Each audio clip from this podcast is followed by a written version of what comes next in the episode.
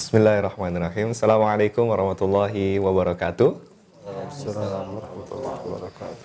1044 AM iDream Radio Successful Muslim Family Alhamdulillah Rabbil Alamin Allahumma salli ala Sayyidina Muhammad wa ala alihi Sayyidina Muhammad Sahabat iDream di mana pun Anda berada, apa kabar pada hari ini? Semoga sahabat iDream semuanya hari ini diberikan kesehatan oleh Allah Subhanahu Wa Taala dan dilapangkan hatinya, dilapangkan rezekinya insya Allah ya. Dan tentunya semoga amalan-amalan kebaikannya semakin bertambah setiap harinya yang uh, juga berkolerasi terhadap keimanan sahabat iDream semua yang bertambah seperti itu. Hari ini saya Rangga kembali hadir menemani sahabat iDream semuanya di program kesayangan kita bersama Manis Majelis Iman dan Islam yang hadir setiap harinya dan kali ini sahabat iDream semuanya kita akan memasuki uh, program Manis di sesi uh, hadis ya hadis Riyadus Solihin insya Allah bersama pembicara kita yang sudah tidak asing lagi yang selalu setia membersamai kita, Ustadz Abdullah Haidir LC. Beliau ini merupakan wakil uh, IKADI, Ikatan Dai Indonesia Depok, hmm. dan juga pembina situs manhajuna.com seperti itu. Kita coba sapa dulu, tapi sebelumnya jangan lupa sahabat iDream untuk terus mengikuti program-program di iDream Radio 1044 AM. Sahabat bisa download uh, aplikasinya di www.idreamradio.id atau juga mendengarkan di frek frekuensi 1044 AM dan juga jangan lupa follow berbagai macam uh, media sosial kita ada Instagram at iDreamRadio, Facebook dan Twitter iDreamRadio 1044 AM dan juga kita atau sahabat iDream bisa mendengarkan kembali dan menyimak uh, secara visual melalui rekaman video di channel YouTube kita iDream TV. Jangan lupa like, komen, dan subscribe seperti itu. Assalamualaikum warahmatullahi wabarakatuh. Waalaikumsalam warahmatullahi wabarakatuh. Gimana kabar hari ini? Alhamdulillah baik. Tampak ceria dan bersinar ya wajahnya selepas sholat subuh insya Allah ya. Hari ini apa yang akan kita bahas nih Ustaz? Uh, babnya fit ta'awun alal birri wa taqwa. Hmm. Uh, bekerja sama, saling tolong menolong dalam kebaikan dan takwa. Hmm. Baik. Jadi hari ini uh, temanya tentang uh, ta'awun ya, sahabat Edrim, saling tolong menolong dalam takwa insya Allah. Uh, sangat bermanfaat bagi kita dalam berkehidupan atau kehidupan sosial kita pastinya seperti itu dalam rangka uh, meningkatkan iman dan takwa dalam konteks bagaimana kita bisa saling tolong menolong dalam kebaikan. Langsung saja kepada Ustadz Abdullah Haidir disilakan untuk menyampaikan yeah. nasihatnya untuk kita. Assalamualaikum warahmatullahi wabarakatuh. Waalaikumsalam warahmatullahi wabarakatuh. Bismillahirrahmanirrahim. Alhamdulillahi rabbil alamin wassalatu wassalamu ala nabiyyina Muhammadin wa ala alihi wa ashabihi wa man tabi'ahum bi ihsanin ila yaumiddin amma ba'd. Uh, sahabat Edrim yang dimuliakan Allah di mana saja berada. Uh, Alhamdulillah kita bersyukur pada Allah dapat berjumpa kembali dalam program manis kali ini uh, khusus membahas hadis-hadis yang terkandung dalam kitab Riyadhus Shalihin. Ya. Kita akan masuk pada bab yang baru babun fit ta'awuni 'alal birri wat taqwa. Bab tentang ta'awun ya, kerjasama saling tolong menolong ya saling bantu membantu ya ini uh, tentu saja merupakan level berikutnya ya mm -hmm. dari uh, tuntutan kita untuk hidup uh, bermasyarakat, yeah. bergaul dan bersaudara. Yeah. Ya, jadi uh, setelah kita diperintahkan untuk bersaudara, saling ta'aruf, saling kenal mengenal, saling mencintai, saling menjaga diri untuk tidak jangan sampai kita menyakiti orang, yeah. gitu. Kemudian levelnya berikutnya juga adalah kita berusaha untuk dapat memberikan manfaat kepada saudara kita, eh, bagaimana hmm. saudara kita merasa dengan keberadaan kita itu hmm. dia diuntungkan, dia merasa kebaikan. Yeah. Nah, level berikutnya lagi adalah bagaimana ya ikatan apakah namanya persahabatan, pertemanan, pergaulan ini ada eh, program-program uh, kebaikan di mana hal itu dapat kita wujudkan dengan adanya kerjasama saling bantu membantu di antara kita. Ya, jadi levelnya kita sudah kalau dalam bahasa sekarang sudah punya proyek kebaikan yang kita lakukan bersama. Ya, satu sama lain saling menolong karena pada hakikatnya manusia pasti tidak mungkin sempurna. Iya. Dia punya kelebihan di satu sisi, namun dia punya kekurangan di sisi lain. Hmm. Sementara saudaranya punya kelebihan di sisi yang saudaranya ada kekurangan dan dia punya kekurangan di sisi yang saudaranya ada kelebihan. Kelebihan. Nah, itulah kehendak Allah kepada atau sunnatullah dalam kehidupan kita umat manusia. Hikmahnya tentu saja agar kita saling mengisi, saling menyempurnakan. Nah, di sinilah pentingnya kita eh, memiliki sikap ta'awun. Akan tapi tentu saja dalam Islam ta'awun di sini bukan sekedar ta'awun, Iya. tapi ada patokan dan batasannya, yaitu apa? Alal birri wat taqwa. Ya, ta'awunnya pun ya pada hal-hal yang tentu saja secara garis besar Allah ridhoi. Ya, Yang Allah sebutkan dalam Al-Qur'an al birru wat taqwa. Ya, para ulama memang eh, menyebutkan dua kalimat ini sebenarnya dua kalimat yang sama. Tapi kadang-kadang atau jika disandingkan dia berbeda. Gitu dia sama dengan iman dan Islam. Iman dan Islam itu dua kalimat yang satu sama lain maknanya eh, sama, tapi kalau disandingkan bisa berbeda. Iman pendekatannya pada keyakinan, Islam pada pengamalan. Ya, tapi kalau dibilang Islam, ya di dalamnya mesti ada iman. Kalau dibilang iman, di dalamnya mesti ada Islam. Islam. Albirru wa taqwa juga kurang lebih seperti itu. Albirru wa taqwa kedua-duanya adalah kalimat yang eh, saling eh, apa namanya mengisi ya, saling eh, memberikan makna yang sama. Albirru adalah at-taqwa, at-taqwa adalah albir. Tapi ketika disandingkan, ya, para ulama mengatakan albirru itu adalah amalan eh, yang kita lakukan tentu saja yang berisi dengan kebaikan. At-taqwa adalah sesuatu yang sifatnya meninggalkan, meninggalkan keburukan, kemaksiatan dan seterusnya. Ya, jadi memang eh, yang diharapkan tentu saja yang Allah ridhoi ketika kerjasama kita ini adalah kerjasama yang di dalamnya ada kebaikan. Ya. Baik urusan dunia, apalagi urusan akhir Akhirat. akhirat. Ya, tentu saja juga lebih khusus lagi kalau hal tersebut terkait dengan tuntutan kita dalam rangka beribadah kepada Allah, melakukan amal soleh, perkara-perkara yang Allah perintahkan dan Allah ridho. ridhoi. Al-Mu'allif Al-Imam An-Nawawi rahimahullah mengutip eh, beberapa ayat, eh, dua ayat ya dalam bab ini yang terkait dengan at-ta'awun. Eh, di antaranya adalah ayat yang cukup kita kenal. Qala Allah Ta'ala, Allah Subhanahu wa taala berfirman, "Wa ta'awanu 'alal birri wat taqwa." Dan saling tolong menolonglah atas kebaikan dan takwa. Ya, dalam kebaikan dan takwa. Ya, dan ayat sesudahnya tentu saja juga kita sudah tahu, "Wala ta'awanu 'alal ismi wal udwan." Jangan saling tolong menolong dalam dosa dan permusuh permusuhan. Jadi ini saja ya, kalau kita bandingkan ya, sudah cukup membuat kita untuk terdorong dan termotivasi.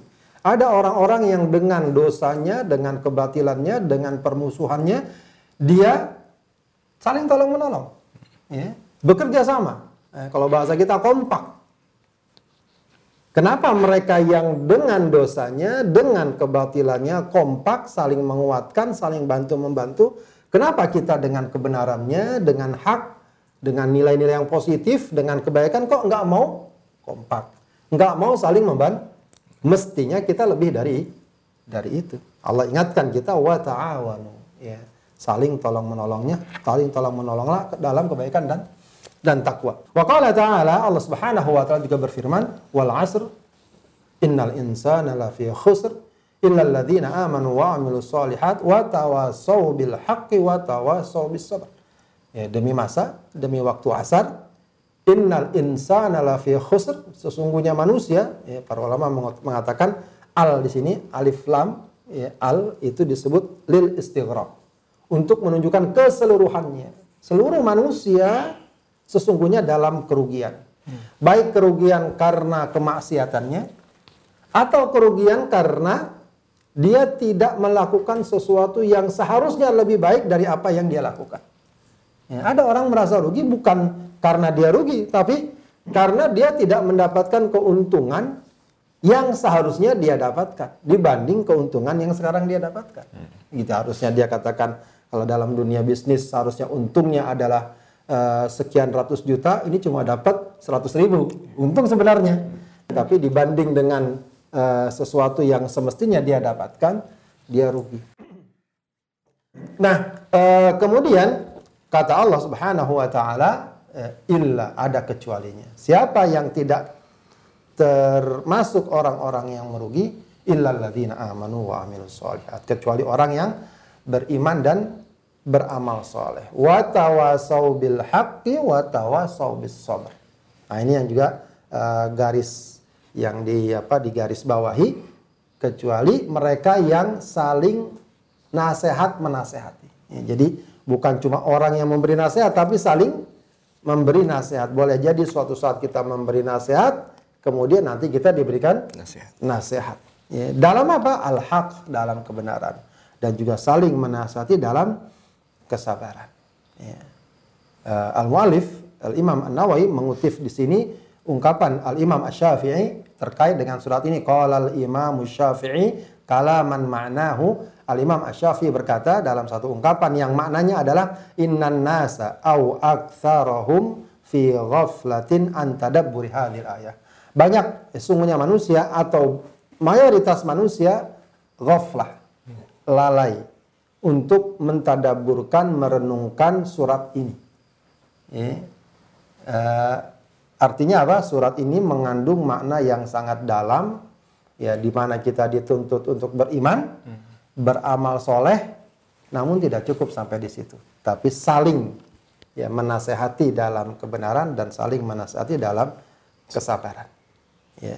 Jadi uh, ini sedikit mukaddimah ya uh, bab uh, tentang uh, at-ta'awun uh, tentang saling tolong menolong uh, dalam kebaikan dan dan takwa. Ya, maka semestinya kita sebagai seorang muslim uh, memiliki sikap ini dalam kehidupan kita khususnya dalam kehidupan sosial, dalam kehidupan uh, berukhuwah, bersaudara di jalan Allah Subhanahu wa taala. Baik, saya kira itu dulu. Uh, Rangga sebagai mukadimah nanti akan kita lanjutkan membahas beberapa hadis yang terdapat dalam bab ini. Baik, terima kasih Ustadz Abdullah Bahir. Tadi sudah menyampaikan pengantar kepada kita semuanya, sahabat iDream, tentang betapa pentingnya uh, tingkatan yang lebih tinggi dari persaudaraan seperti saat ya. Tidak hanya kita saling mengenal, memahami, tapi juga uh, sebagai uh, manusia yang pastinya selalu membutuhkan orang lain, tidak bisa hidup sendiri, maka penting untuk kita mengetahui tentang tahun ini ya. Apalagi tahun di sini adalah tahun dalam konteks wa ta'awanu 'alal birri wat taqwa ya. Tahun yang akan membuat kita lebih dekat dengan Allah Subhanahu wa taala, yang akan lebih meningkatkan ketakwaan kita. Kita akan bahas lebih dalam setelah sesi ini. Jangan ke mana mana tetap di 1044 AM iDream Radio, Successful Muslim Family.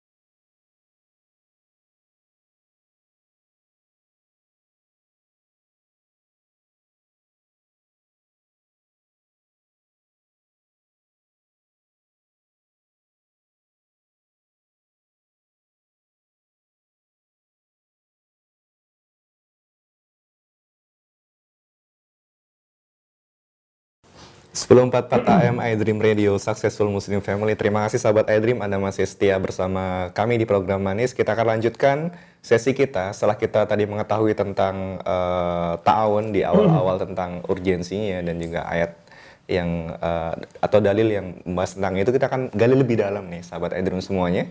Langsung saja kepada Ustadz Abdullah Haidir untuk menyampaikan lebih dalam materi ini. Sahabat Edrim yang dimuliakan Allah Subhanahu wa taala, kita langsung saja membahas beberapa hadis yang dicantumkan oleh Al Imam An-Nawawi rahimahullah dalam kitab Riyadhus Shalihin ini dalam bab ini, bab at-ta'awun fi 'alal birri wat taqwa. Bismillahirrahmanirrahim. An Abi Abdurrahman Zaid bin Khalid Al-Juhani radhiyallahu anhu. Ya. Dari Abu Abdurrahman Zaid bin Khalid Al-Juhani radhiyallahu anhu dia berkata, Qala Rasulullah sallallahu alaihi wasallam. Rasulullah sallallahu alaihi wasallam bersabda, "Man jahaza ghaziyan fi sabilillah." Siapa orang yang menyiapkan, menyiapkan di sini ya, menyiapkan perbekalannya, menyiapkan segala sesuatu yang dibutuhkan oleh seorang tentara pejuang di jalan Allah. Ya, dalam konteks jihad di jalan Allah, ya, peperangan antara al-haq dan al-batil. Ya, orang ada orang yang memang dia menjadi tentara Allah Subhanahu wa taala. Nah, bisa jadi ada orang-orang yang dengan keterbatasannya eh, dia tidak dapat ikut serta. Yeah. Tapi tidak dapat ikut serta bukan berarti dia diam. Bukan berarti dia tidak berkontribusi. Dia dapat berkontribusi entah dengan kekayaannya, entah dengan kemampuannya, lalu dia siapkan, dia perbekalannya atau mungkin dia melatihnya dan semacamnya ya maka kata Rasulullah faqad goza ya dia telah berperang artinya juga eh, dia dianggap sama seperti halnya orang yang berperang di jalan Allah Subhanahu wa taala. Kemudian kata Rasulullah sallallahu alaihi wasallam, "Wa man khalafa ghaziyan." Siapa orang yang merawat, menanggung biaya beban uh, keluarga yang ditinggalkannya ya. uh, kemudian Rasulullah SAW uh, eh, tambahkan hadis ini wa man khalafa ghaziyan fi ahlihi bi khairin faqad ghaza muttafaqun alaih dan kalau dia ya, memberikan bekal ya, mengurus merawat dalam arti hmm. orang yang berperang di jalan Allah Subhanahu wa taala hmm. dia akan meninggalkan keluarganya hmm. ya dan siapa yang ngurusin keluarganya kalau dia berperang? Nah, ada orang dia mungkin katakan, udah keluarga ente nggak usah dipikirkan. Yep. Kita akan backup, kita akan berikan nafkah, kita akan berikan kesiapan dan kebutuhan-kebutuhannya. Itu yang dikatakan waman khalafa ghazian fi ahli bi khairin. Hmm. Faqad ghaza. Maka orang seperti itu pun sama artinya dia berperang di jalan Allah Subhanahu wa taala. Muttafaqun alaih. Jadi ini sebuah uh, apa namanya pelajaran yang sangat berharga bagaimana Rasulullah SAW memberikan pintu yang terbuka bagi siapa saja yang ingin berpartisipasi berperan dalam kebaikan ya di mana semua pihak uh, dapat saling menguatkan saling membantu. Seorang pejuang di jalan Allah ya tidak mungkin dia uh, melakukan segala sesuatu seorang diri. Dia butuh biaya dia butuh keahlian, dia butuh kemampuan. Ya. Ada orang yang punya kalau oh, oke okay, saya melatihnya, saya memberikan uh, keahliannya, saya memberikan uh, dananya, saya memberikan dan lain sebagainya. Atau uh, terkait dengan keluarganya, dia backup, dia biayai dan seterusnya. Maka orang-orang seperti itu mendapatkan nilai dan pahala yang yang sama ya, di jalan Allah Subhanahu wa taala. Ya, tentu uh, hadis ini tidak tidak terbatas pada konteks berperang di jalan Allah ya. Banyak sekali medan-medan kebaikan perjuangan di jalan Allah Subhanahu wa taala di mana tentu saja seseorang tidak mungkin dia atasi perkara tersebut seorang diri. Terlebih ketika uh, katakanlah proyeknya besar ya, ruang lingkupnya sangat luas tidak mungkin seseorang melaksanakan segala sesuatu seorang diri. Ya seperti sekarang ini. Sekarang ini kita mengadakan kajian, ya, direkam, ada yang merekam, ada yang mengatur acara, ada yang ini, ada yang itu dan seterusnya. Tidak hmm. mungkin seorang melakukan sendi sendiri. Ya, semakin dia besar uh, pengaruhnya besar uh, ruang lingkupnya semakin pasti dia membutuhkan berbagai pihak yang dapat saling tolong menolong uh, melakukan kebaikan dan insya Allah ketika niatnya ikhlas karena Allah ketika memang dia tulus karena Allah ya maka apa yang dia lakukan itu sama dengan yang dilakukan oleh saudaranya yang lain dengan keahliannya masing masing-masing. Ya. Jadi kalau katakanlah siapa yang uh, menyiapkan bekal bagi orang yang berdakwah, mungkin ada orang-orang yang butuh berdakwah di daerah pedalaman, di daerah terpencil, dia nggak mungkin bisa ke sana, entah karena kemampuannya, keterbatasannya dan lain sebagainya. Tapi oke okay, saya nggak bisa ke sana, tapi saya bisa memberikan uh, biaya agar ada saudara kita yang berdakwah di sana dan seterusnya. Ada orang yang berdakwah dalam uh, apa istilahnya uh, ekonomi juga begitu. Yeah. Ada orang yang berdakwah membela ajaran Allah dalam dunia politik ya, yang sekarang lagi ramai ini. Nah, itu juga bisa. Ya, setiap muslim bisa memberikan peran dan kontribusi kontribusinya sesuai dengan kemampuannya, ya sesuai dengan kapasitasnya, sesuai dengan keluangannya masing-masing. Dan sebagaimana kata Rasulullah Sallallahu Alaihi Wasallam, ya, nilai yang dia dapatkan sama. Ya, tentu saja hal ini juga erat kaitannya dengan sejauh mana ketulusannya, sejauh mana keikhlasannya, sejauh mana kepeduliannya terhadap setiap program-program kebaikan tersebut. Baik, kemudian hadis berikutnya yang di yang dicantumkan oleh Al Imam Nawawi dalam bab ini Wa an Abi Sa'id Al-Khudri radhiyallahu anhu anna Rasulullah sallallahu alaihi wasallam ba'atha ba'than ila Bani Lihya. Min Hudzail faqala. Ya. Lian ba'ith min kulli rajulaini ahaduhuma wal ajru bainahuma. Rawahu Muslim. Jadi Abu Sa'id Al-Khudri anna Rasulullah sallallahu alaihi wasallam sungguhnya Rasulullah sallallahu alaihi wasallam ba'atha ba'than jadi Rasulullah mengutus satu pasukan ila Bani Lihyan min Hudzail. Jadi ke suku Lihyan ya dari anak suku Hudzail. Faqala lalu dia berkata, "Lian ba'ith min kulli rajulaini ahaduhuma." Hendaknya berangkatlah dari setiap dua orang salah satunya. Hmm. Jadi nggak semuanya berangkat, hmm. cukup salah satunya saja. Kalau katakanlah kalau ada satu kabilah yang diutus atau satu komunitas yang diutus, katakanlah 100 orang, yang berangkat jangan 100 orangnya. Hmm tapi 50-nya saja, setengahnya saja. Wal ajru bainahuma, tapi pahalanya dibagi mereka berdu berdua. Ya, maksudnya adalah keduanya dapat pahala, baik yang berangkat atau yang tidak, tidak berangkat. yang tidak berangkat. Ya. Roh Muslim. Eh, hadis ini para ulama juga menyebutkan masih terkait dengan hadis sebelumnya. Ya, tentu saja ini adalah uh, tugas jihad dari Rasulullah Sallallahu Alaihi wasallam. Ya, kata Rasulullah, nggak usah semuanya berangkat. Ya.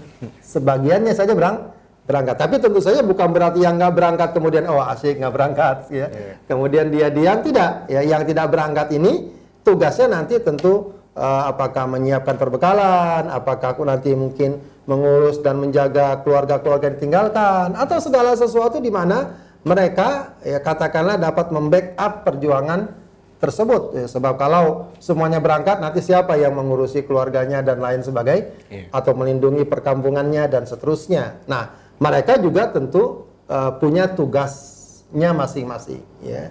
Lagi-lagi uh, ini juga merupakan gambaran ya indahnya uh, apa namanya uh, sikap ta'awun yeah. ya, saling tolong menolong, saling bantu membantu dalam kebaikan ya tidak ada orang yang merasa oh saya yang paling depan saya yang paling hebat saya yang paling tinggi. Kedua tidak ya karena pada dasarnya tahun ini merupakan isyarat dan gambaran betapa di tengah kelebihan orang masing-masing dia pasti membutuhkan peran kontribusi dari orang lain. Ya, bahkan akan kita dapati semakin tinggi kelebihan seorang akan semakin tampak kebutuhannya dengan orang lain dengan orang lain dan itu berlaku dalam hal apa saja termasuk dalam upaya berjuang di jalan Allah Subhanahu wa taala.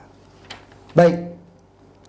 Kemudian uh, hadis berikutnya wa ani Abbas radhiyallahu anhuma dari Ibnu Abbas radhiyallahu anhuma anna Rasulullah sallallahu alaihi wasallam Rasulullah sallallahu alaihi wasallam laqiya rakban birrauha ya Rasulullah menemui sebuah rombongan di sebuah tempat namanya Rauha dekat kota Madinah. Faqala lalu dia berkata, "Manil kaum? Ini siapa?" Ya. Ada yang mengatakan ini karena gelap ya. Rasulullah nggak tapi mengenali. Rombongan pun juga nggak tapi mengenali Rasulullah dan bisa jadi juga mungkin pada zaman itu tidak seperti sekarang orang tahu dengar Rasulullah tapi nggak pernah lihat mukanya ya nggak seperti sekarang mungkin fotonya bisa dikirim ke mana-mana ya. kalau mereka mengatakan al muslimun ya. kami adalah kaum muslimin ya. jadi orang-orang Islam Fakalu, nah mereka balik bertanya. Tadi tanya Rasulullah kalian siapa? Jadi gara-gara mereka nanya, balik mereka nanya, man anta? Engkau siapa? Ya, man anta? Engkau siapa? Kala Rasulullah menjawab dengan singkat, Rasulullah.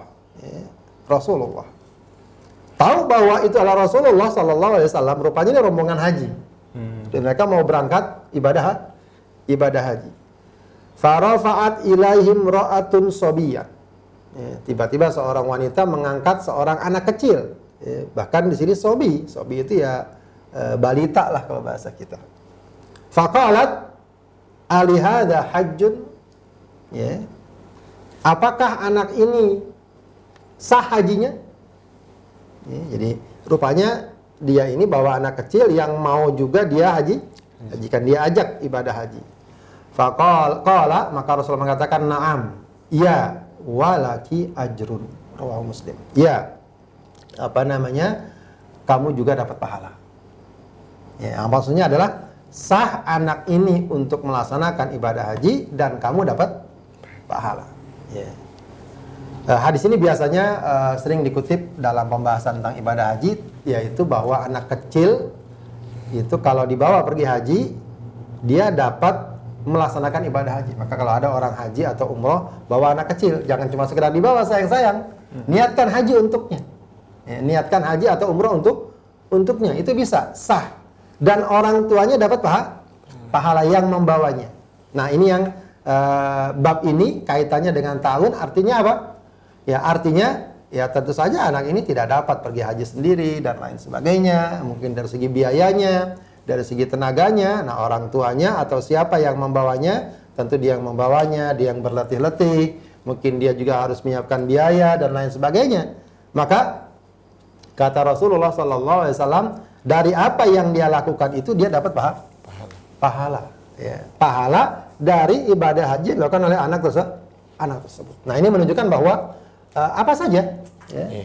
ya, sesuatu yang dapat kita lakukan untuk membantu seseorang ya, dalam ibadahnya, dalam ketaatannya, ya, itu sesungguhnya merupakan bagian dari ta'awun dan kita akan dapatkan kebaikan ya, dari kebaikan yang didapatkan oleh orang tersebut dengan ibadah dengan ibadahnya. Maka kalau kita perhatikan di sini ya artinya medan kebaikan ini sangatlah lu sangatlah luas, ya, sangatlah luas. Baik, satu lagi hadis yang juga dikutip oleh uh, Al-Imam An-Nawawi dalam bab ini, wa an Abi Musa Al-Asy'ari radhiyallahu anhu anin Nabi sallallahu alaihi wasallam annahu. Dari Abu Musa Al-Asy'ari radhiyallahu an dari Nabi sallallahu alaihi wasallam dia berkata, Al-khazinul muslimul amin alladhi yunfidhu ma umira bihi. Ya, seorang penjaga ya jadi penjaga kah, petugas kah ada orang yang tugasnya adalah ya dia uh, katakanlah bertugas untuk membagi-bagikan. Ya katakanlah sodako bantuan-bantuan sosial. Sekarang kan mungkin ada banyak orang yang uh, dia mungkin nggak punya uang. Tapi ada orang yang alhamdulillah Allah berikan kekayaan besar. Namun dia nggak punya waktu kah nggak punya kemampuan untuk bisa membagikan uh, sodakohnya. Maka dia tugaskan seseorang kah atau lembaga kah dan seterusnya. Nah Rasulullah katakan orang yang e, bertugas ya, seorang muslim yang terpercaya yang menunaikan apa yang diperintahkan kepadanya ya untuk membagi-bagikan kebaikan tadi atau sodako tadi fayu'tihi kamilan muwaffaran lalu dia berikan itu semua sempurna ya tidak ada yang dikurang dikurangi. Ya ini maaf kadang-kadang ironis ya bagaimana ada orang yang diistilahkan menyunat bantuan Eh, bantuan sudahlah itu merupakan bantuan orang-orangnya iya. sangat membutuhkan dikorupsi pula ini luar biasa ya. ya saya melihat ini sebuah ya kalau tidak kita katakan dengan kejahatan yang sangat berat ya Dia adalah sebuah sikap khianat yang sangat besar. Nah, kalau orangnya dipercaya, mestinya dia berikan sempurna sebagaimana perintah yang diamanahkan kepada kepadanya. Bukan hanya itu, thayyibatan bihi nafsuh. Ya. Thayyibatan bihi nafsuh. Dan dia berikan pun dengan apa? Dalam keadaan jiwa yang apa istilahnya? Tibatan nafs. Jiwa yang senang, lapang. Ya, maksudnya ketika diberikan pun senyum dengan penuh persaudaraan. Kadang-kadang ada orang mungkin dia sampaikan, cuma mungkin entah karena capek atau mungkin karena terpaksa e, diberikan dengan suasana yang tidak nyaman, ya. e, tidak senyum, kadang dengan bahasa yang mungkin ketus, ya, dengan bahasa yang bisa jadi menyakitkan orang yang meneri, menerima. menerima. Ya, namanya manusia, walaupun dia orang miskin, orang rendah, tapi ketika dihina, ketika direndahkan, ketika diperlakukan dengan uh, tidak baik, pasti akan ada sesuatu. Ya, katakanlah kita pun pasti akan merasakan. Ya, kita mungkin katakanlah kita lemah, lalu ada orang membantu kita, tapi dengan bahasa yang menyakitkan. Ya, tentu uh, akan sangat berbekas dalam hati kita. Tapi beda halnya ketika ada orang sudahlah membantu, dia penuh dengan ungkapan yang positif, ya, menghibur, menghormati, ya, itu sesuatu yang indah sekali. Makanya Rasulullah katakan di sini, thayyibatan bihi nafsu. Ya. Sudahlah amanah itu ditunaikan dengan baik, ya. Kemudian dia sendiri berusaha untuk bersikap dan berlaku baik, baik dari mimik wajahnya, dari ucapannya, dari segala perilakunya, ya Fayadfa'uhu ilal ladzi umira Lalu dia serahkan itu kepada orang-orang yang memang diperintahkan. Kamu berikan ke sini, kamu ke sini, kamu ke sini, kamu ke si fulan, ke si fulan, ke si fulan, dia tunaikan semua. Ya, tidak juga dialihkan harusnya ke si fulan ke orang lain ke mana, harusnya ke sini ke mana. Nah, itu tidak. Jadi ini gambaran betapa seorang ini uh, punya amanah yang sangat tinggi. Maka orang seperti itu kata Rasulullah sallallahu alaihi wasallam ahadul mutasaddiqain ya muttafaqun alaih dia adalah salah satu dari dua orang yang bersedekah. Ya, jadi ibaratnya ada dua orang, ya, yang satu ngasih duitnya, hmm. yang satu menyalurkannya, hmm. Ya, dengan baik, dengan sempurna, dengan cara yang baik. Nah ini seakan-akan dua orang ini dua-duanya bersedekah, begitu. Dua-duanya ber bersedekah, ya, dengan pahalanya, dengan kebaikannya, dengan fadilah dan keutamaan keutamaannya. Ya. Nah, ini tentu saja juga sekali lagi merupakan uh, sebuah gambaran praktis ya yang Rasulullah SAW contohkan uh, betapa uh, sangat indahnya, sangat uh, berharganya saling bantu membantu dalam dalam kebaikan. Ya, maka uh, para pemirsa atau sahabat Edrim yang dimuliakan Allah Subhanahu wa taala hendaknya kita punya ya posisi di sini. Ini, janganlah hidup eh, sendiri-sendiri, uh, janganlah hidup egois, eh, tidak mau uh, bekerja sama dengan orang lain. Pasti cepat atau lambat kita akan membutuhkan orang orang lain. Dan kita membutuhkan itu semua dalam rangka menggulirkan program-program kebaikan kebaikan. Baik yang kaitannya hubungannya kepada Allah dalam bentuk ibadah kita kepada Allah. Sholat kita saja kita butuh orang lain. Kita butuh orang lain. Paling enggak pakaian kita yang menutup aurat kita siapa yang bisa menghadirkan kecuali orang lain? Kita mungkin butuh orang yang adzan untuk mengingatkan kita. Kita ketika kita ke masjid butuh orang yang menyiapkan masjid dan segala sesuatu yeah. sesuatunya. Jadi uh, hendaknya fakta-fakta seperti ini menuntut kita untuk sedapat mungkin ya, punya peran kontribusi ya, partisipasi dalam program-program kebaik program kebaikan karena di sana terdapat kebaikan yang sangat besar ya, yang Allah sediakan buat buat kita. Itu barangkali hadis-hadis yang dapat kita baca. Alhamdulillah luar biasa sekali sahabat iDream semuanya. Di sesi yang kedua ini semakin memantapkan memantapkan dan memperdalam materi kita tentang ta'awun.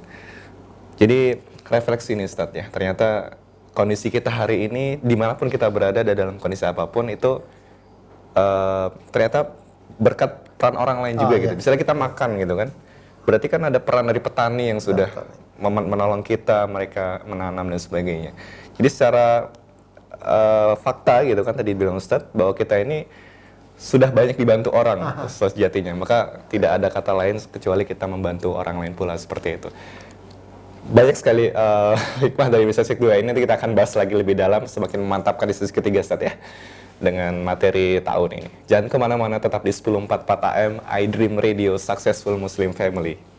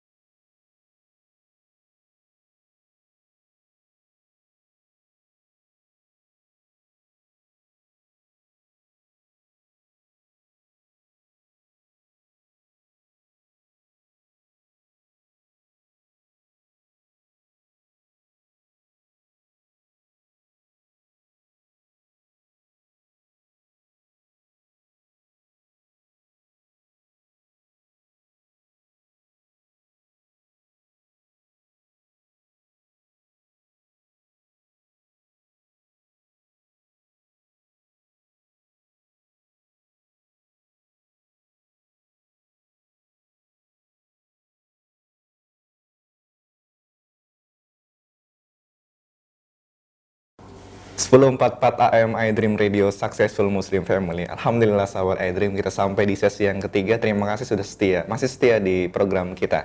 Kita di sesi ini akan memantapkan materi kita tentang ta'awun dan juga ada sesi pertanyaan. Bagi sahabat iDream, uh, sebenarnya bisa menanya di 082297891044. Nanti kita akan uh, tampung pertanyaan dari WhatsApp seperti itu. Ustadz silahkan menyampaikan materi uh, untuk memantapkan di sesi ini. Baik, sahabat Adrim yang dimuliakan Allah Subhanahu wa taala, uh, saya yakin masalah ta'awun ini masalah yang sudah clear ya. Iya. Jelas tinggal kita perlu kuatkan ya, perlu sadari terus dalam kehidupan kita. Sebagai sebuah tambahan tentang Betapa ta'awun ini tidak bisa kita abaikan, tidak bisa kita tinggalkan. Apalagi hmm. kalau orang ingin mendedikasikan dirinya untuk program-program kebaikan, albir wa taqwa, maka mutlak. Ya, ini bukan masalah alternatif. Yeah. Ini bukan masalah pilihan. Yeah. Tapi memang ya keharusan. keharusan. Anda ingin berbuat kebaikan, apalagi kebaikan yang dirasakan oleh umat, mutlak Anda uh, bekerja sama, saling bantu membantu. Ya. Jangan sampai apa namanya uh, justru saling gontok-gontokan, ya, yeah. saling musuh-musuhan dan lain sebagainya. Bahkan para nabi sekalipun hmm. yang sedemikian rupa ya mereka kedudukannya, kemuliaannya, mereka pun nggak lepas dari bantuan orang. Hmm. Dari bantuan orang antara nabi dengan nabi yang lain, mereka sebenarnya tahun. Rasulullah menggambarkan antara nabi satu dengan nabi yang lain itu satu sama lain memiliki kaitan yang menyempurna Menyempurna. menyempurnakan kata Rasulullah e, nah aku dengan para nabi sebelum itu ibarat apa ibarat bangunan bangunan yang besar megah orang-orang berkeliling kalau mereka terpesona wah luar biasa ini bangunan ya tapi ada satu batu bata yang belum dipasang hmm. kata Rasulullah ana hadhil labina akulah batu bata itu hmm. ya. artinya Rasulullah tidak menganggap dirinya segalanya ya. dia adalah bagian dari bangunan yang telah dibangun uh, oleh para na para oleh para nabi. Ya. Jadi dia adalah bagian dari batu bata yang juga merupakan bagian dari rangkaian dakwah para nabi. Rasulullah dalam dakwanya pun juga begitu, tidak sendiri. Ya. berdakwah uh, butuh bantuan para sahabat yang menolongnya dan dan sebagainya. Bahkan menyampaikan dakwah Rasulullah ketika ke Madinah, sebelum ke Madinah beliau sudah mengutus sahabat Mus'ab bin Umair ya ke Yaman mengutus uh, Muadz bin Jabal. Hmm. Ya, bahkan pada masa-masa awal dakwahnya Rasulullah butuh Al-Arqam bin Abil Arqam tempatnya yang bisa berdakwah. Bahkan beberapa sahabat masuk Islam di awal dakwah itu tidak lewat Rasulullah, tapi lewat sahabat yang lain. Hmm. Ya. Ini menunjukkan apa? Bahwa Rasulullah SAW dengan kemuliaannya, dengan keutamaannya, beliau tetap ya, membutuhkan bantuan, pertolongan. Tentu apalagi kita.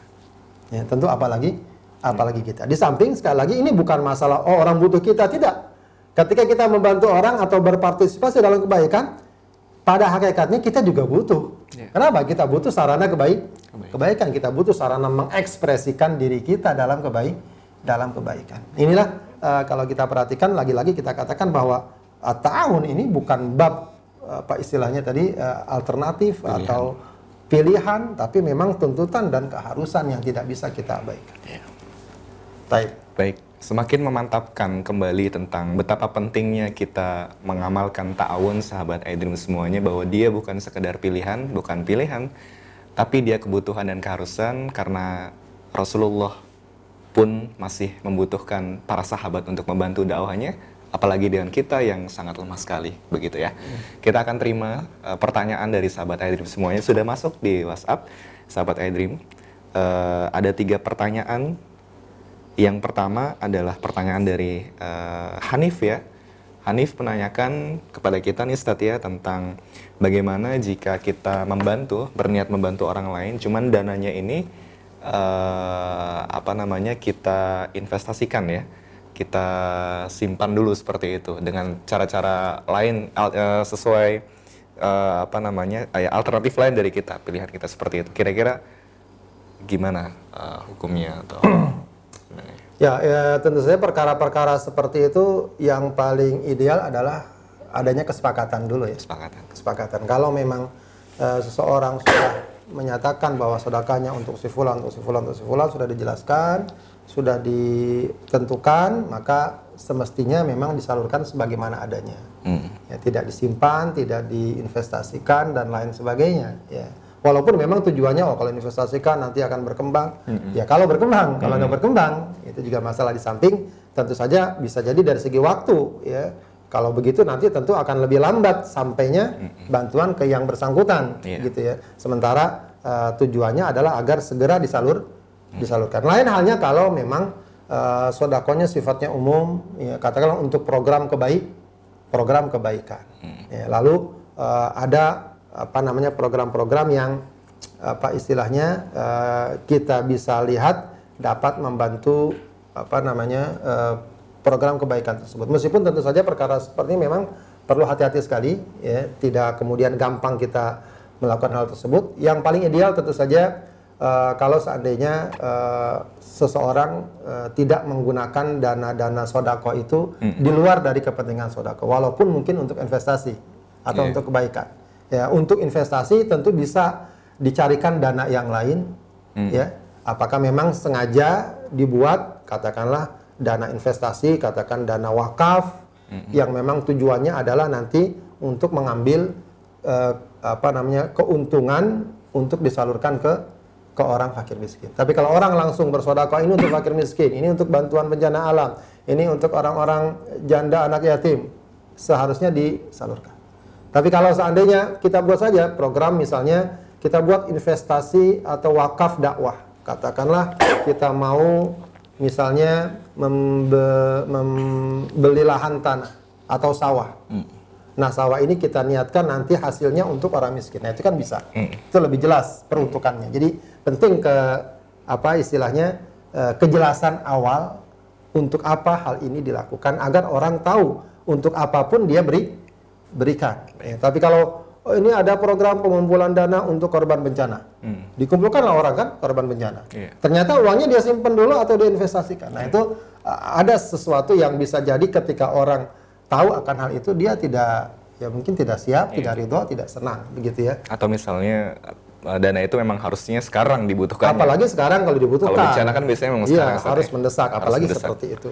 Dan kadang-kadang uh, faktor lain lagi juga, apalagi kalau ternyata misal disimpannya di uh, perbankan konvensional, Mm, ya lalu diambil bunganya, itu lebih berat lagi. Iya, ya. iya, iya. Uh, sudah riba, sudah dia tidak amanah, dan itu memang Iya. patut. Yang lebih ideal adalah memang dijelaskan saja. Iya, Ya, iya. Kalau dia mau investasi dalam arti nanti hasilnya akan digunakan, kasih tahu saja kita mau wakaf katakan beli bangunan ini, Iya. gitu kan? Nanti hasilnya untuk ini, itu Iya. bagus. Ya, saya kira itu bagus. Wallah. Baik, jadi poinnya adalah kejelasan, kesepakatan awal dan juga timbang menimbang manfaat dan mudaratnya yang harus lebih ketat lagi seperti itu sahabat iDream. Baik sahabat iDream, pertanyaan kedua yang datang dari Dani, Dani Widyo yang sudah masuk di WhatsApp kita bertanya tentang bagaimana jika eh, ada sekelompok orang yang bekerja sama dalam eh, kerangka yang baik sebenarnya untuk kebaikan. Cuman dalam prakteknya ini justru sebaliknya ya terjadi konflik, keributan dan akhirnya eh, memisah sendiri-sendiri dan tidak berjalan program kebaikannya. Kira-kira apa yang salah nih dari padahal eh, mereka di awal mem- mem- mem- eh, mengamalkan prinsip tolong menolong dalam ketakwaan. Itu Ya. kira-kira gimana, Ustaz? Ya, ini memang sebuah fenomena ya, Ya. fakta yang kalau entah kita bilang fenomena atau tidak ya, arti tapi tentu tidak semuanya terjadi. Iya. Ada memang kasus-kasus yang terjadi seperti itu, eh, kerjasama yang awalnya bagus, lama-lama justru akhirnya ribut, kemudian bertikai dan seterusnya. Ya, eh, kita katakan bahwa perkara-perkara seperti ini tentu saja tidak boleh ya me- mengalihkan kita, Iya. menghalangi kita dari urgensi dan uh, keutamaan ta'awun. Ya. Jadi katakanlah tentu saja perkara seperti ini ya kalau bisa kita hindari kita hindari, Mm-mm. kalau bisa kita atasi kita atasi. ya. Ya, penting juga kita memahami misalnya manajemen konflik Oh, ya iya. agar yang namanya mungkin ketidaksetujuan, ketidaksepakatan, kekecewaan itu pasti ada. Tapi tentu harus ada space, ada ruang di mana kita mestinya saling memahami, saling menerima dan seterus dan seterusnya. Ya, meskipun dalam kasus tertentu bisa jadi tidak mungkin kita hindar kita hindari. Tapi apa pun yang terjadi, ya, pertama jangan sampai hal tersebut menghalangi kita untuk tahun. Untuk tahun. Artinya jangan sampai hal tersebut membuat kita berpendapat udahlah nggak usahlah tahun Iya. daripada ribut segala macam udah kita sendiri sendiri aja dia sendiri nggak bisa juga sebenarnya hakikatnya nanti dia butuh tahun juga dengan orang Iya. lah dengan orang lain maka eh, sedapat mungkin eh, hal itu eh, tidak menghalangi kita untuk bekerja sama dalam kebaikan baik kemudian yang kedua paling tidak kalaupun memang ada hal-hal yang tidak bisa disepakati ya kita cari yang disepakati Ya, Jangan sampai katakan nggak sepakat dalam satu perkara, kemudian nggak sepakat dalam semua perkara. Nah, itu yang juga uh, harusnya kita hindari kalau ada satu ungkapan yang sangat indah. Nah, ta'awan fi mattafaqna wa na'duru ba'duna ba'dan wa ya'duru ba'duna ba'dan fi makhtalafna. Kita bekerja sama pada perkara-perkara yang kita sepakati. Yang belum kita sepakati, setidaknya kita toleran, ya kita berlapang dada dan seterusnya. Ya, jadi eh, jangan sampai sekali lagi saya katakan jangan sampai adanya gesekan atau sampai dalam taraf pertikaian membuat kita kemudian berpandangan udah nggak usah tahun lah. Kita sendiri-sendiri aja kita kerja masing-masing saja. Tidak. Sebab pada hakikatnya kita pasti butuh orang di mana kita bekerja bekerja sama begitu ya Eh, sedapat mungkin kalau kita mampu memanage konflik yang ada mudah-mudahan hal itu bisa diata eh, bisa diatasi ya bisa diatasi kemudian juga eh, perkara yang lain ya, kalaulah dia tidak tahun atau katakan dia kerja sendiri ya eh, boleh jadi dampak dan efeknya lebih besar Iya. dalam arti mungkin program kegiatannya akan tidak terlaksana. Katakan seperti ini contohnya ya, kita sekarang ini melakukan rekaman, me- menggagas program radio dan seterusnya. Katakan udahlah, akhirnya ribut kan, udah kita bubarin radionya. akhirnya radionya nggak ada, kemudian akhirnya nggak ada dakwah yang bisa kita lakukan lewat media ini. Iya. Ya, tapi dengan segala eh, apa namanya, katakanlah eh, dinamika yang ada, kita tetap bertahan, kita tetap bersabar, itu tentu jauh lebih lebih baik ya ada satu ungkapan yang sering dinisbatkan kepada Ali bin Abi Thalib radhiyallahu an ya dikatakan eh, kadirul jamaah khairun min sofil fard keruh hidup berjamaah bekerja sama tadi ya, ya saling tolong. Itu lebih baik daripada sendiri eh, apa kejernihan sendiri. Ya memang dia nggak konflik. Oh Iya, jangan iya. seperti anu tuh ribut mulu. saya dong ya nggak pernah ribut. Iya, iya. Itu kenapa pernah ribut? Ya saya nggak pernah kerjasama. Ya salah juga gitu. Dia meninggalkan kerjasama yang sebenarnya di eh, diperintahkan dalam is dalam Islam. Itu barangkali. Allah. Baik, poinnya adalah potensi konflik mungkin akan sangat ada gitu ya dalam Akan kehidupan. ada. Selalu ada. Selalu ada. Selalu. Karena berperbedaan latar belakang kita. Cuman yang terpenting adalah bagaimana kita menyikapinya, bagaimana kita bisa uh, melihat benang merah mana yang bisa membuat kita semakin kuat dan meluruskan niat kita dan banyak hal-hal lain yang harusnya membuat kita bisa mengatasi konflik tersebut seperti itu. Terakhir pertanyaan dari uh, Dani Sigit nih ya, namanya Dani juga. Dia tanya, jadi tadi Ustadz kan sudah menjelaskan tentang bagaimana kalau kita memberikan bantuan itu dengan cara terbaik juga. Nah sekarang terima kasihnya nih orang yang dikasih bantuan, eh, orang yang eh, diberikan pertolongan, bagaimana Islam itu mengajarkan cara terima kasih terbaik? Itu kira-kira gimana Ustadz? Ya, eh, ini satu hal yang eh, penting sekali juga dalam bab ta'awun tadi, ya. Adanya apresiasi ya. Mm-hmm. Adanya apresiasi, Iya, apresiasi. adanya apa namanya eh, respon positif ya. Eh, apa namanya? eh, eh, apa feedback ya Iya. dari eh, kebaikan-kebaikan yang eh, kita terima atau dilakukan oleh saudara kita. Intinya eh, bagian dari tahun yang memang penting adalah menghidupkan suasana di mana masing-masing pihak merasa memiliki peran ya, yang pen, yang penting ya, atau eh, sikapnya sangat bagus. ya. Karena itu salah satu hal yang eh, bagus adalah ketika kita merespon positif, mengapresiasi apa saja yang dilakukan oleh saudara kita Iya. dalam program bersama ini. Jadi jangan sampai uh, ada orang yang merasa tidak dihargai, tidak diapresiasi. Ya, Hadis Rasulullah sangat jelas. Iya. Malam yashkurin nas lam yashkurillah. Ya, Siapa yang nggak bersyukur sama orang, tidak bersyukur kepada Allah. Jadi bukan berarti oh yang penting kita bersyukur sama Allah, tidak. Ya, bersyukur sama Allah ya, tapi mengapresiasi kebaikan seseorang, eh, maka eh, sesuatu yang penting. Ya, kita ucapkan jazakallah khairan kata Rasulullah ketika kamu mengucapkan jazakallah khairan semoga Allah balas kebaikan buatmu maka itu adalah ablagus sana ya pujian yang paling yang paling baik. Jadi penting itu memang betul satu poin yang sangat penting adalah mengapresiasi kebaikan dari siapa pun juga walau mungkin dia katakanlah orang yang apa adanya tapi memang sesuai kapasitas dia itu sudah merupakan kontribusi yang sangat baik sangat baik. Jangan sampai ada orang merasa ya eh, perannya, kontribusinya tidak dihargai. Ya, itu penting sekali, penting sekali. Wallahu a'lam.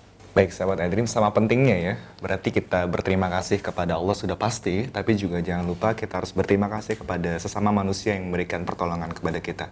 Itu inti dari eh, jawaban tadi. Baik sahabat iDream, ini adalah sesi yang ketiga. Kita akan lanjut di sesi yang terakhir nanti dengan closing statement dari Ustadz.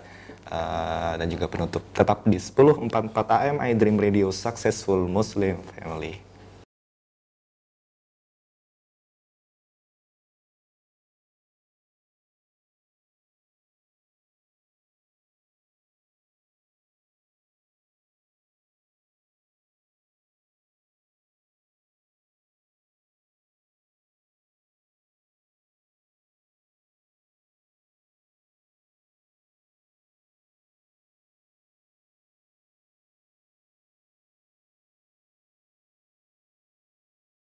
Terima kasih sahabat iDream semuanya sudah setia di sesi sampai sesi yang akhir ini kita akan lanjutkan dengan eh, pesan-pesan terakhir atau kesimpulan dari Ustadz lalu akan kita tutup kira-kira apa inti materi dari hari ini Ustadz?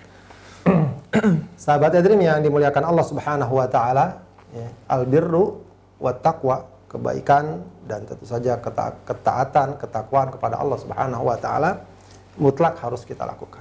Ya. Maka perkara-perkara yang dapat mengantar kita ke sana pun mestinya mutlak harus kita lakukan. Ya. Kebaikan dan ketakwaan kita salah satunya tidak akan dapat terwujud atau setidaknya tidak terwujud dengan baik kecuali kalau kita mau saling tolong menolong. Mau saling menolong. Nah, dengan demikian tentu saja saling tolong menolong dalam kebaikan ini memiliki urgensi yang sangat yang sangat besar ya memiliki kedudukan yang sangat yang sangat tinggi ya kalau bisa kita urut poin-poinnya ya maka uh, tahun alal birri wa taqwa uh, pertama dia adalah uh, bukti salah satu wujud dari persaudaraan kita kehidupan sosial kita di mana kita tidak mungkin bisa meninggalkan ya. kemudian at-ta'awun alal birri wa taqwa juga merupakan wujud dari kesadaran kita akan kelemahan kita ya. Yang pasti akan membutuhkan orang orang lain ya. dan itu dengan sendiri juga merupakan wujud dari kerendah hatian kita ya. bahwa kita tidak mungkin bisa lepas dari orang lain maka uh, semakin kita bertahun semakin insya Allah akan mengikis ya, uh, kesombongan-kesombongan kita uh, merasa bahwa kita lebih segala-galanya dari orang lain dan lain sebagainya dan lain sebagainya. Kemudian uh, albirru wa taqwa juga memberikan satu pemahaman bahwa medan kebaikan itu terbuka buat siapa saja. Ya. Bukan hanya buat orang yang mungkin paling hebat ilmunya, paling hebat kemampuannya, siapa pun. Ya, walau mungkin dia uh, katakanlah dianggap sebagai orang yang uh, sederhana, tidak memiliki banyak hal, tapi ya. tetap dia bisa punya peran dan kontribusi. Bahkan bisa jadi sangat signifikan karena memang akhirnya semua itu akan kembali kepada Allah Subhanahu wa taala. Ah, maksudnya ya. kembali niatnya kepada Allah Subhanahu wa taala. Kata Rasulullah dalam satu hadis bahwa uh, yang yang beruntung adalah orang yang berjuang di jalan Allah ya uh, di mana pun posisinya. Walaupun posisinya sebagai penjaga dia akan berjaga. Ya. Posisinya di barisan belakang dia di barisan belakang gitu. Jadi bukan masalah oh di barisan depan yang paling tinggi tidak. Ya, di barisan belakang pun kalau dia niat ikhlas karena Allah, berjuang di jalan Allah, maka dia akan tetap mendapatkan uh, keutamaan dan fadil fadilah. dan fadilah. Dan tentu saja terakhir ta'awun alal birri wa taqwa tentu akan semakin apa istilah mengkapitalisasi niat eh, apa nilai kebaikan tersebut. Ya, kebaikan yang dilakukan sendiri dengan kebaikan yang dilakukan bersama-sama pastilah berbe berbeda. Berbeda. Allah saja sudah memberikan nilai berbeda itu pada ibadah kita. Sholat kita ya. sendiri dengan sholat kita berjamaah sama nggak? Ya. Pasti be pasti beda. Jadi semakin kita bertahun, semakin banyak kebaikan yang kita raih dan semakin besar nilai kebaikan itu sendiri. Sendiri. Apalagi kalau sudah tarafnya adalah perkara-perkara umat, ya. ya. Eh, maka tentu sangat-sangat e, besar sekali tuntutan untuk bertahu. Itu barangkali kurang lebih tambahan yang bisa saya sampaikan. Ya, Allah Baik, ta'awanu 'alal birri wa taqwa, tolong menolong dalam kebaikan dan juga takwa adalah bentuk dari kita merendah sebagai makhluk yang lemah, wujud dari konkret kita bersaudara kepada yang lain, yang insya Allah uh, ini akan menimbulkan banyak kebaikan dan ta'awanu 'alal birri wat taqwa bukanlah sebuah pilihan tapi ini adalah keharusan dan kebutuhan kita yang akan membuat kita uh, tentunya semakin bisa bersaudara dengan yang lainnya dan juga disediakan pahala yang sangat berlimpah. Jazakumullah khairan kafir Ustadz Abdullah Haidir LC sudah memberikan materi yang sangat luar biasa pada hari ini. Kita akan lanjutkan sahabat iDream di sesi-sesi yang selanjutnya. Insya Allah masih di program Manis, Majelis Iman dan Islam. Sebelum saya tutup, ada sebuah ungkapan sederhana yang saya kutip dari dakwatuna.com yang sangat relevan terhadap materi kita hari ini. Tentang bagaimana kita harus tolong menolong dan bekerja sama dengan orang lain. Kita, kita memang dapat memilih untuk menikmati indahnya Islam sendirian. Berkhalwat dengan Allah setiap saat kita memang dapat memilih untuk menegakkan Islam begitu kokoh pada hati kita sendiri, mencintai Islam untuk kita seorang, lantas melangkah dan menatap jauh ke depan bahwa ia akan melangkah ke surga suatu saat nanti juga sendirian. Sekilas sendirian memang jauh lebih mudah dan indah. Ah, jauh lebih mudah. Namun kita juga perlu tahu bahwa bekerja sama, bahwa bersama-sama akan jauh lebih indah. Hmm. Saya Rangga, mohon undur dari ruang dengar Anda. Subhanakallahumma wa bihamdika asyhadu an la ilaha illa anta astaghfiruka wa atubu ilaik. Assalamualaikum warahmatullahi wabarakatuh. Waalaikumsalam warahmatullahi wabarakatuh.